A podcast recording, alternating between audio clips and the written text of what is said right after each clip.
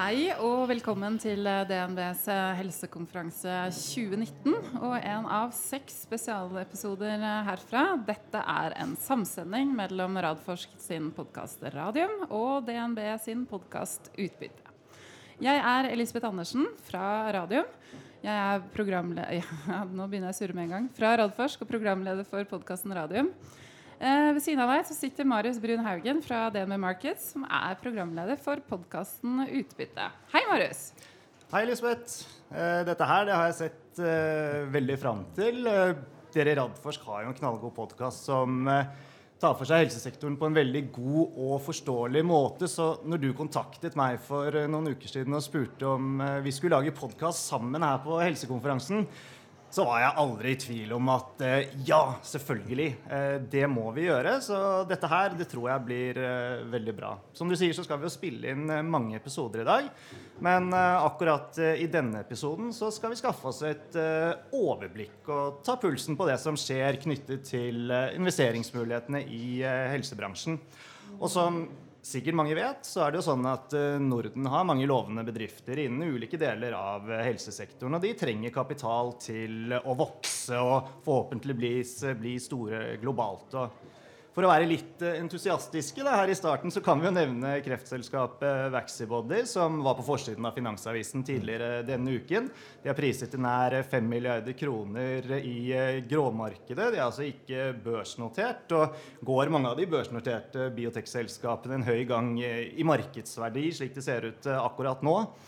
Og når vi er inne på de andre børsnoterte biotekselskapene på Oslo Børs, da, så er bildet et litt annet. Altså Ser vi over det siste året, to årene, så har kursutviklingen til disse vært litt på den eh, skuffende siden. Men den siste måneden så har det begynt å skje ting. Da har det begynt å røre på seg i riktig retning igjen. Så det syns jeg vi skal ta med oss eh, her i dag. At eh, momentet nå, det er eh, bra. Så jeg tror timingen er god ja, for å få en eh, oppdatering på hvor langt fremme nordisk helse er, hva bransjen er eh, gode på, og hvor vekstmulighetene befinner seg. Og det har vi jo med et par eh, gode gjester i studio som skal eh, fortelle oss om, så jeg tror det er på tide at du introduserer eh, resten av panelet, Elisabeth. Det skal jeg gjøre. Jeg skal begynne med å introdusere min partner in crime, Jonas Einarsson fra podkasten Radium. Velkommen. Takk skal du ha, Elisabeth. Hyggelig å være ha- her. Spennende. Kan, kan ikke ha podkast uten deg, vet du. Vi prøver å henge med. Ja.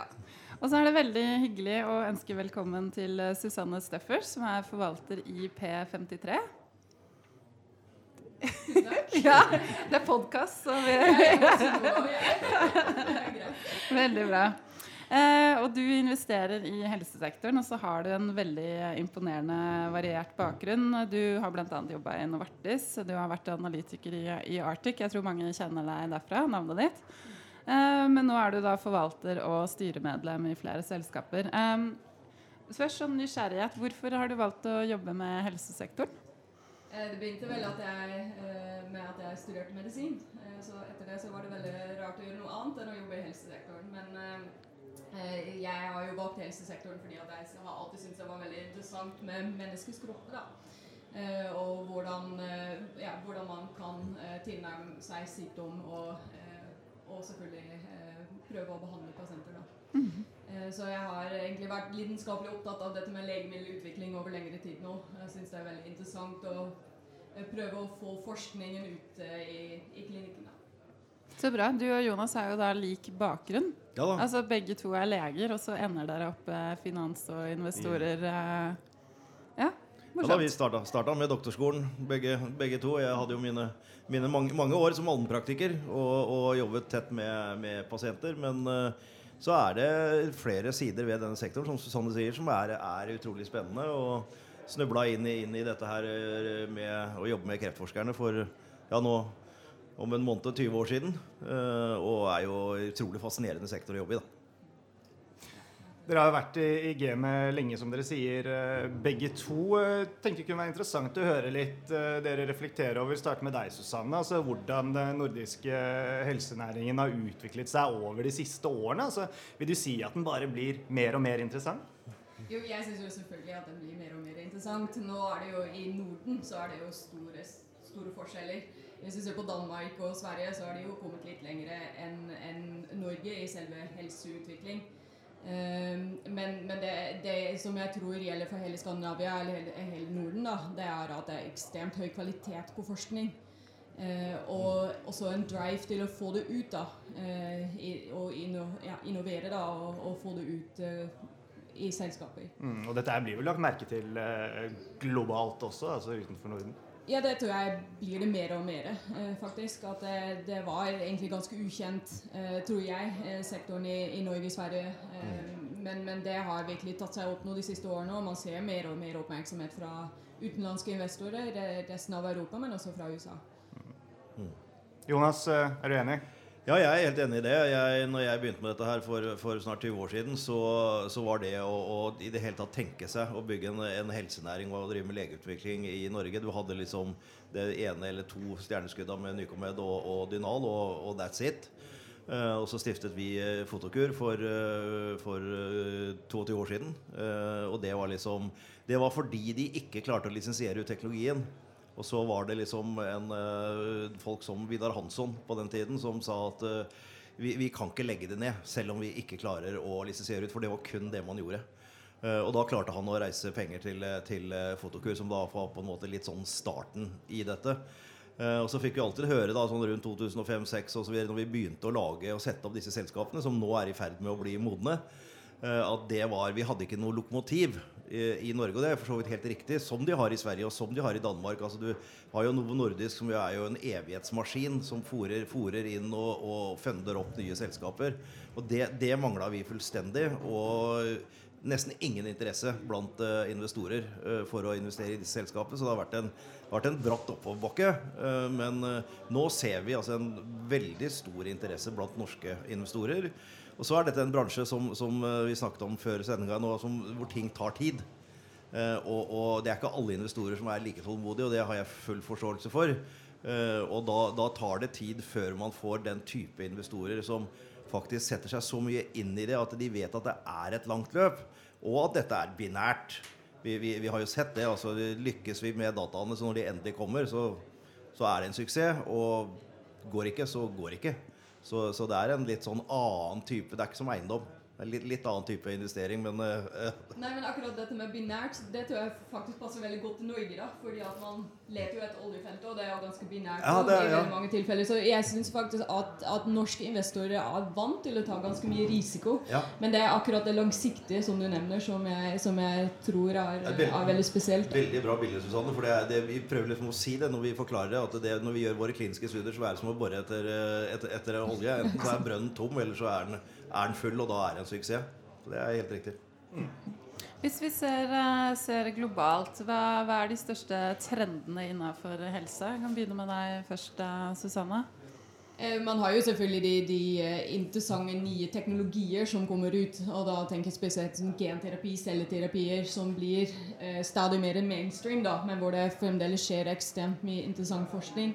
Ehm, jeg selv er veldig interessert i personifisert eller til persontilpasset behandling. Eh, om det er i forhold til biomarkører eller ja, til og med skreddersybehandlingen, eh, som Vexibody, som du nevnte tidligere, gjør. Ehm, men også på diagnostikkside så er det et veldig interessant felt. Altså at Man har de mer konseptuelle aspekter. Sånn, hvordan ser man på data? Hvordan leser man outcomes, og hvordan analyserer man data, og hvordan tilnærmer seg, man seg da å ja, skreddersy eller, eller, finne på løsninger. da. Mm. Jonas? Ja, nei, jeg, er, jeg, er, veldig enig i det. Nå har jo jeg ganske sånn skylapper når det gjelder eh, onkologi i feltet. da. Eh, men det er nå der det skjer det mest spennende. Der kan man ikke si at vi har, liksom, har løst alle problemer, men dødsstatistikken for Norge eh, fra i fjor viser at for første gang så er det flere som dør av kreft enn av hjerte-karsykdommer. Eh, og det var jo, hjerte-karsykdommene var jo høyt, høyt der oppe for 15-20 år siden. Men så har vi på en måte, om ikke løst det, så har vi i hvert fall funnet den beste behandlingen. Og det er ikke så veldig mye forskning, så vidt jeg vet, og dette er ikke mitt felt, som foregår på den siden lenger nå. men, mens innenfor kreft så er det jo så utrolig mye som er, er uløst. Eh, og det som er spennende nå, er jo, synes jeg, da, er at eh, kreftforskning og utvikling av kreftlegemidler nå går nettopp på det som Susanne sier, det går på biologi. ikke bare på 'kill the cancer cells', men, men forstå biologien og forstå hvordan kan vi hjelpe vår, våre kropper og, og systemet til å bekjempe kreften på en måte innenfra istedenfor å angripe utenfra. Og da dette med, med som du sier med biomarkører, det blir et veldig spennende område. Fordi dette er kjempedyre medisiner. Eh, vi vet at der hvor de virker, så virker de veldig godt. Eh, men det virker slett ikke på alle. Vi starta med ca. 20 når IPI kom. Eh, og nå er vi kanskje oppe i 50-60 på de, der vi har de beste resultatene med kombinasjonsbehandlinger.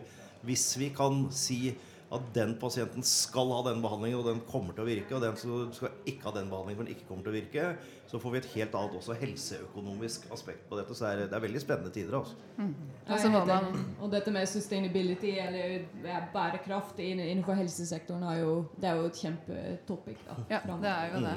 Mm. Og digitalisering. Det kommer man ikke utenom. Nei, det, Nei, det det kommer jo til å disrupt, som det heter på, på, på pent norsk. Nå Ja, begynner jeg å jeg snakke engelsk, jeg også, Jonas. Ja, jeg, jeg, jeg, jeg får alltid kjeft av Elisabeth når jeg, når jeg sklir ut på sånne stam, sånn stamme, stamme, stammespråk. Men bare, bare legge til at da, derfor er det da viktig at eh, Beslutningsforum ikke blir lovfesta den 13.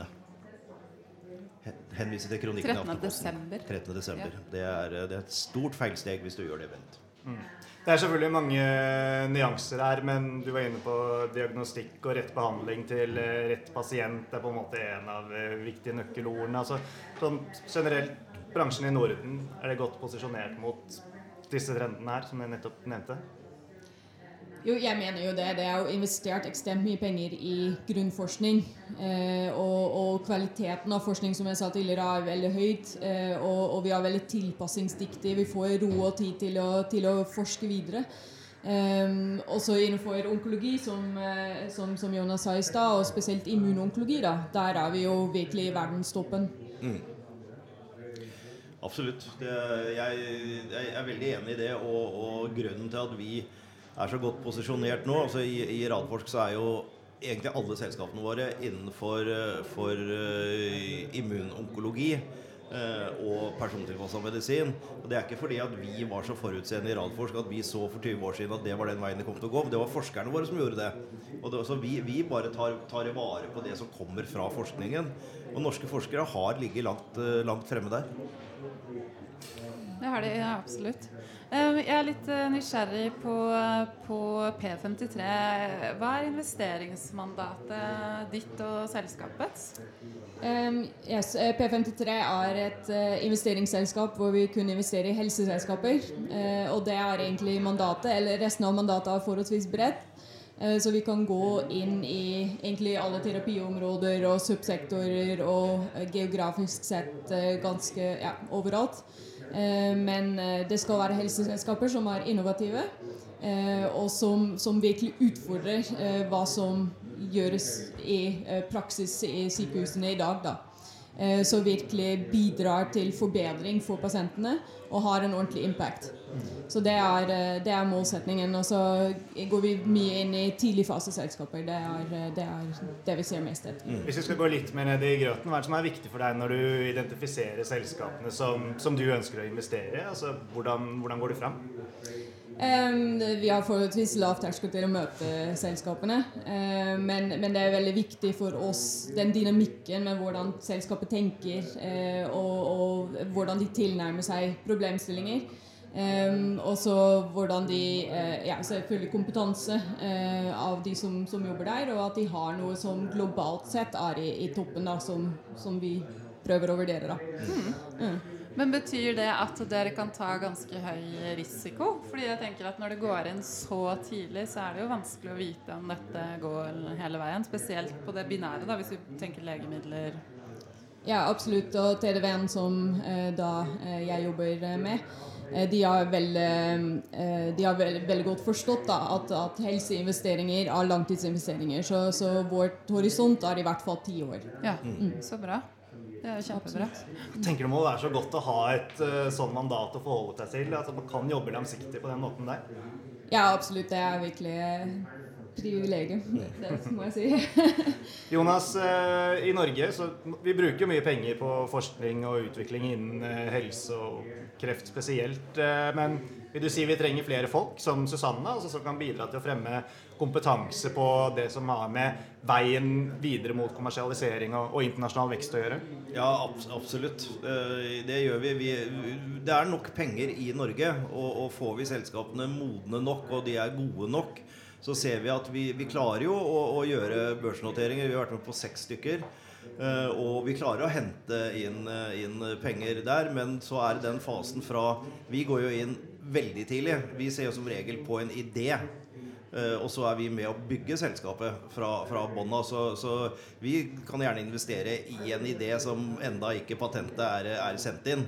Så har vi et prosjekt hos oss en stund før vi lager et selskap og henter inn eksterne midler. Eller vi investerer kanskje sammen med en oppfinner, sånn som vi har gjort både med Nordic Nanovektor og Oncoinvent og nå Nucleargen sammen med, Roy Larsen.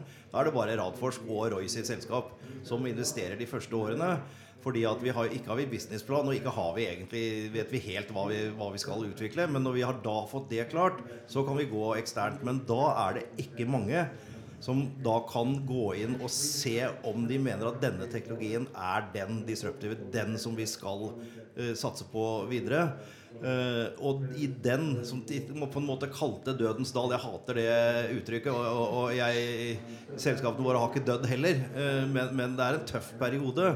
Og, og da å få inn ikke bare penger, men også kompetanse, så vi har noe å spare med og noe å bryne oss på av den type investorer, det er kjempeviktig for oss. Du må kanskje nevne at Roy Larsen er en av gründerne bak da både Algeta og Nordic ja. eh, og har jo en fantastisk track record.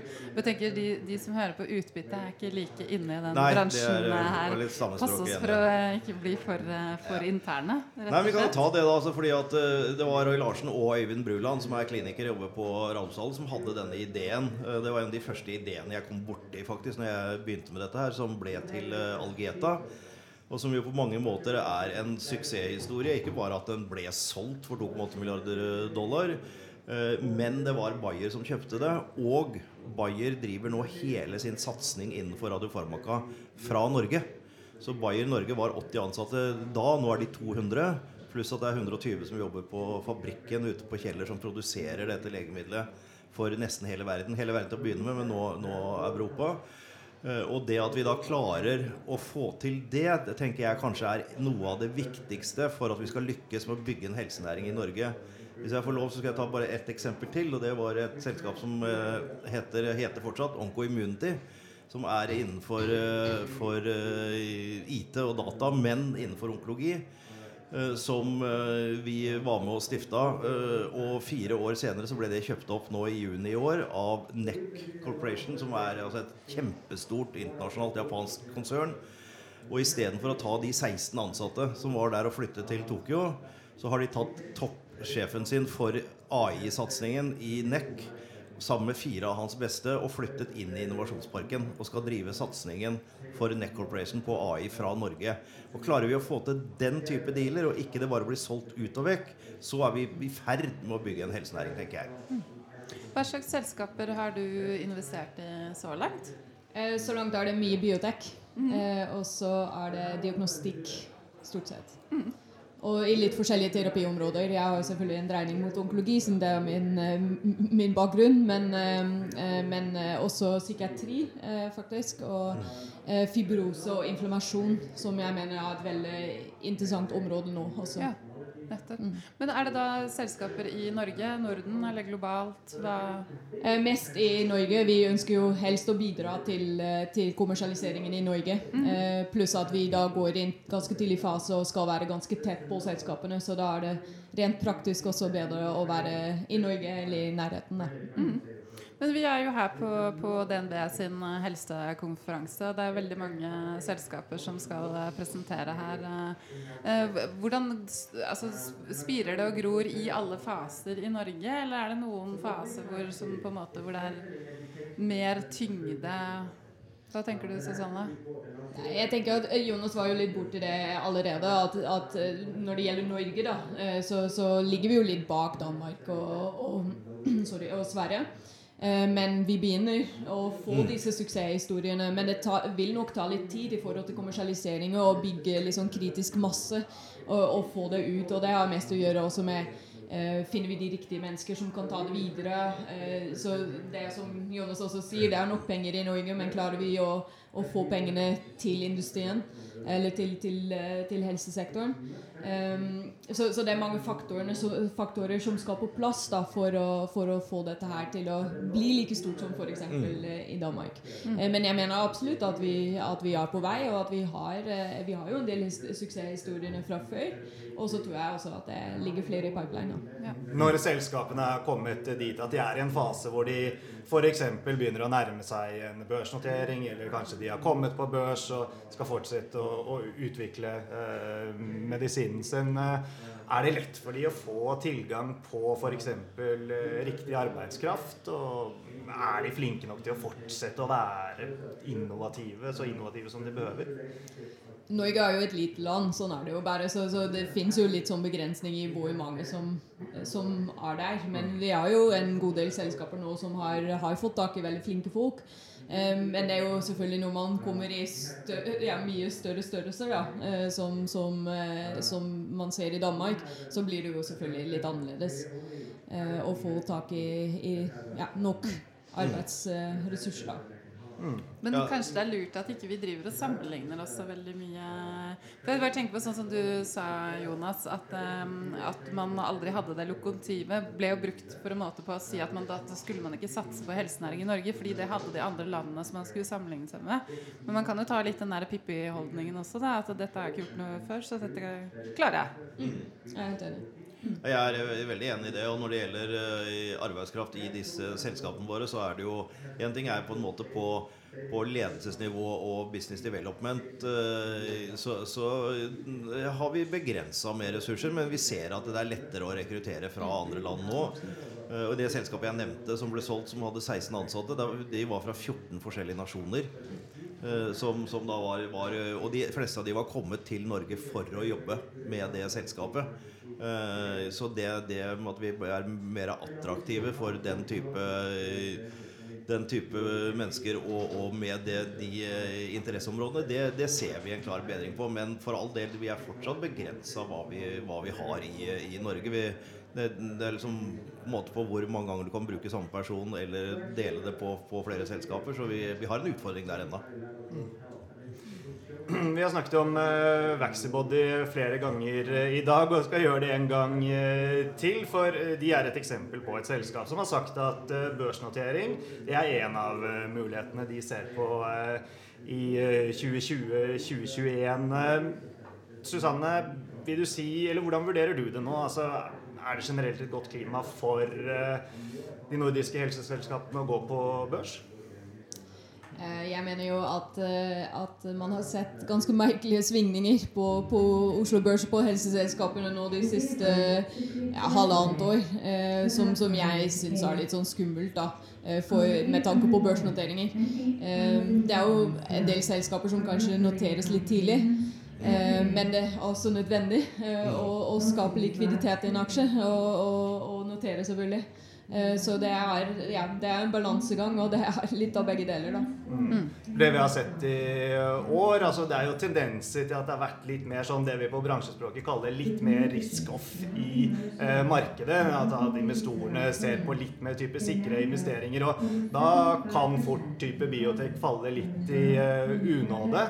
Uh, så det at det er litt mer selektivt når man er litt urolig på det som skjer i verden, er kanskje ikke så rart. Da. Så blir det jo spennende da, å se hvilken vei pendelen svinger da, til, til, neste år. Det kan jo gå begge veier. Ja, det gjør det jo. Vi håper jo det går. Jeg, jeg er veldig enig med, med Susannes uh, betraktninger der. fordi at uh, det er klart det er, det er mer behagelig i selskapenes tidlige fase om man uh, klarer å hente pengene utenom, utenom børs. fordi Altså, da, da, går det fra investorer som sier at ja, vi vet at dere får en readout om ett år, halvannet år, og da sitter vi stille og venter til de kliniske dataene kommer. Eh, og selv om man sier det samme til alle investorer som er med og investerer når du har en børsnotering, så, så er det jo over på kvartalsrapporttyranniet uh, umiddelbart allikevel. Og, og, og, også som sånn vi, vi har sett veldig store svingninger på små volum.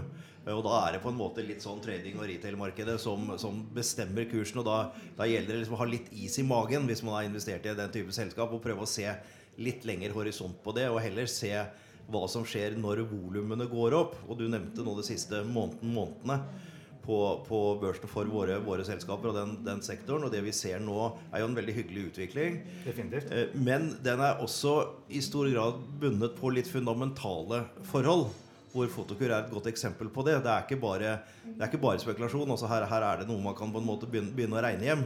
Uh, og, og, det er, det er viktig, viktig, viktig, å få med seg. Og så ser vi også en antydning nå til at det er mye større poster som går, og at vi begynner å dukke opp noen navn på, på aksjonærlistene som vi syns er hyggelig at, at kommer, kommer, inn. Så det er en utvikling der. Jeg skal ikke forskuttere noen ting i den bransjen her, men det er en, det er en utvikling. Men hvis vi går tilbake til uh, Vaxibody Vi skal snakke med Agnete Fredriksen seinere i dag, som er forskningssjef der og, og gründer. Men du sitter i styret der, uh, Susanne. Hva, hvorfor er uh, Vaxibody et spennende selskap? Jeg mener jo at Vaxibody har en ekstremt spennende teknologi med målrettet og person... Eller man kan persontilpasse vaksinen. hvor man ser da at, at immunresponsen man skaper, er ekstremt sterk. og eh, spesifikk. Eh, være lenge og, og, og er, ja, trapper seg opp veldig raskt. Da. Eh, det er veldig godt egnet da, for persontilpassing. Um, og all data som de har vist til nå, korrelerer, og det mener jeg er en, er en veldig viktig mm. uh, veldig viktig for, for et biotekselskap. For man har jo i første omgang få pasienter, så det er veldig viktig at data korrelerer. Mm. Uh, og så er jo teamet ekstremt flink, eh, mener jeg, med Agnete og, og Mikael i spissen. Ja. Eh, du er ikke uenig, Jonas? Nei, jeg, Vi er jo i porteføljen vår, så vel, sitter Anders i styret.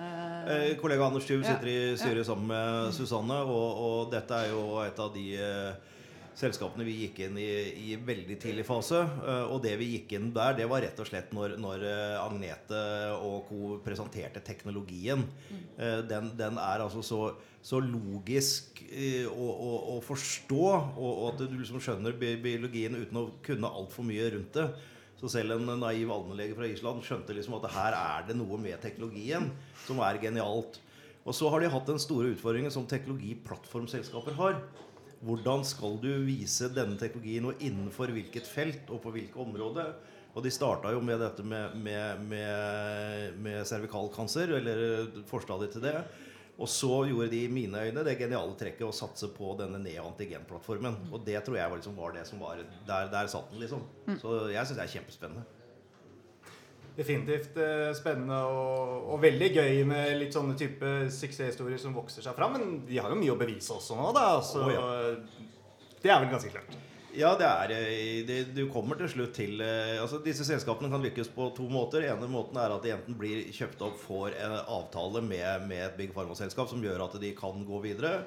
Og hvis man velger å gjøre det selv, som Nordic Nanovector har valgt, så står alt og faller på den endelige studien og den endelige readouten eh, på, på, det. Så du er ikke mål før det, altså. Det er, det er helt tydelig. Risikoen er ikke borte. Nei. Vi skal prøve oss på en uh, oppsummering her. da, altså Hvordan er utsiktene for uh, norsk og nordiske helsesektoren? Jeg sitter i hvert fall igjen med inntrykk etter å ha hørt på dere nå at uh, det er ganske bra. Ja, altså jeg, jeg, får jo alltid helt fra en ukuelig optimist. Men, men, men, jeg er nå det, da. Og, og, og, og, jeg har fulgt dette gjennom så mange år at jeg, jeg syns virkelig nå, nå, bobler det her. Og det, jeg syns og tror at dette her virkelig kan, kan bære frukter. Ja, jeg er helt enig. Det er ekstremt mye spennende som skjer. Og, og når vi ser det i Norden, så, så, vokser vi jo stadig og ja, får flere suksesser. Og det hjelper jo til at vi kan vokse enda mer. Så. Mm. Mm. Så bra. Eh, vi går inn eh, for landing av denne første av eh, seks podkaster. De neste podkastene skal være selskapspodkaster. Men vi fikk inn et lytterspørsmål til deg også, Susanne, som vi, vi, må ta. Og det går på PCI Biotech, som også er i porteføljen til Radforsk. Hva tenker du om utviklingen til det selskapet, og hvordan påvirker det verdisettingen av selskapet? Eh, jeg, det, det, har skjedd mye for selskapet der også, og veldig mye positivt med den meldingen om eh, AstraZeneca som, som er partner. Eh, det er jo alltid en ekstremt bra validering da, av teknologien. De har også mer teknologiplattform, kanskje, eh, så, så, da er det ekstremt viktig å få, få en validering. Eh, på, på, det området. Så har de jo vært gode på å sette i gang studier, rekruttere pasienter. de tror de kommer til å være on track igjen i, i begynnelsen av, av 2020. Um, så, så, data ser veldig lovende ut så langt. Uh, så, så, jeg tror ikke uh, jeg, jeg, mener at, at uh, investment thesis er, er intakt fra, fra, analysen jeg skrev da jeg jobbet i, i mhm. Arctic, og at, at, ja, at de leverer. Så bra. Mm. Du, jeg trenger ikke se på deg engang, Jonas. For jeg tror ikke du er Jeg er enig. Jeg er enig. enig. Skal vi gå igjen for landing, Marius? Har du noen siste bevingede ord? Ja, vi får gjøre det. Nei, eh, de siste bevingede ordene for min del får være at eh, jeg syns dette her var eh, veldig gøy. Veldig hyggelig å sitte her og prate med dere alle sammen. Så vi kan vel bare si tusen takk for følget. Takk for at dere var med, både Susanne og Jonas.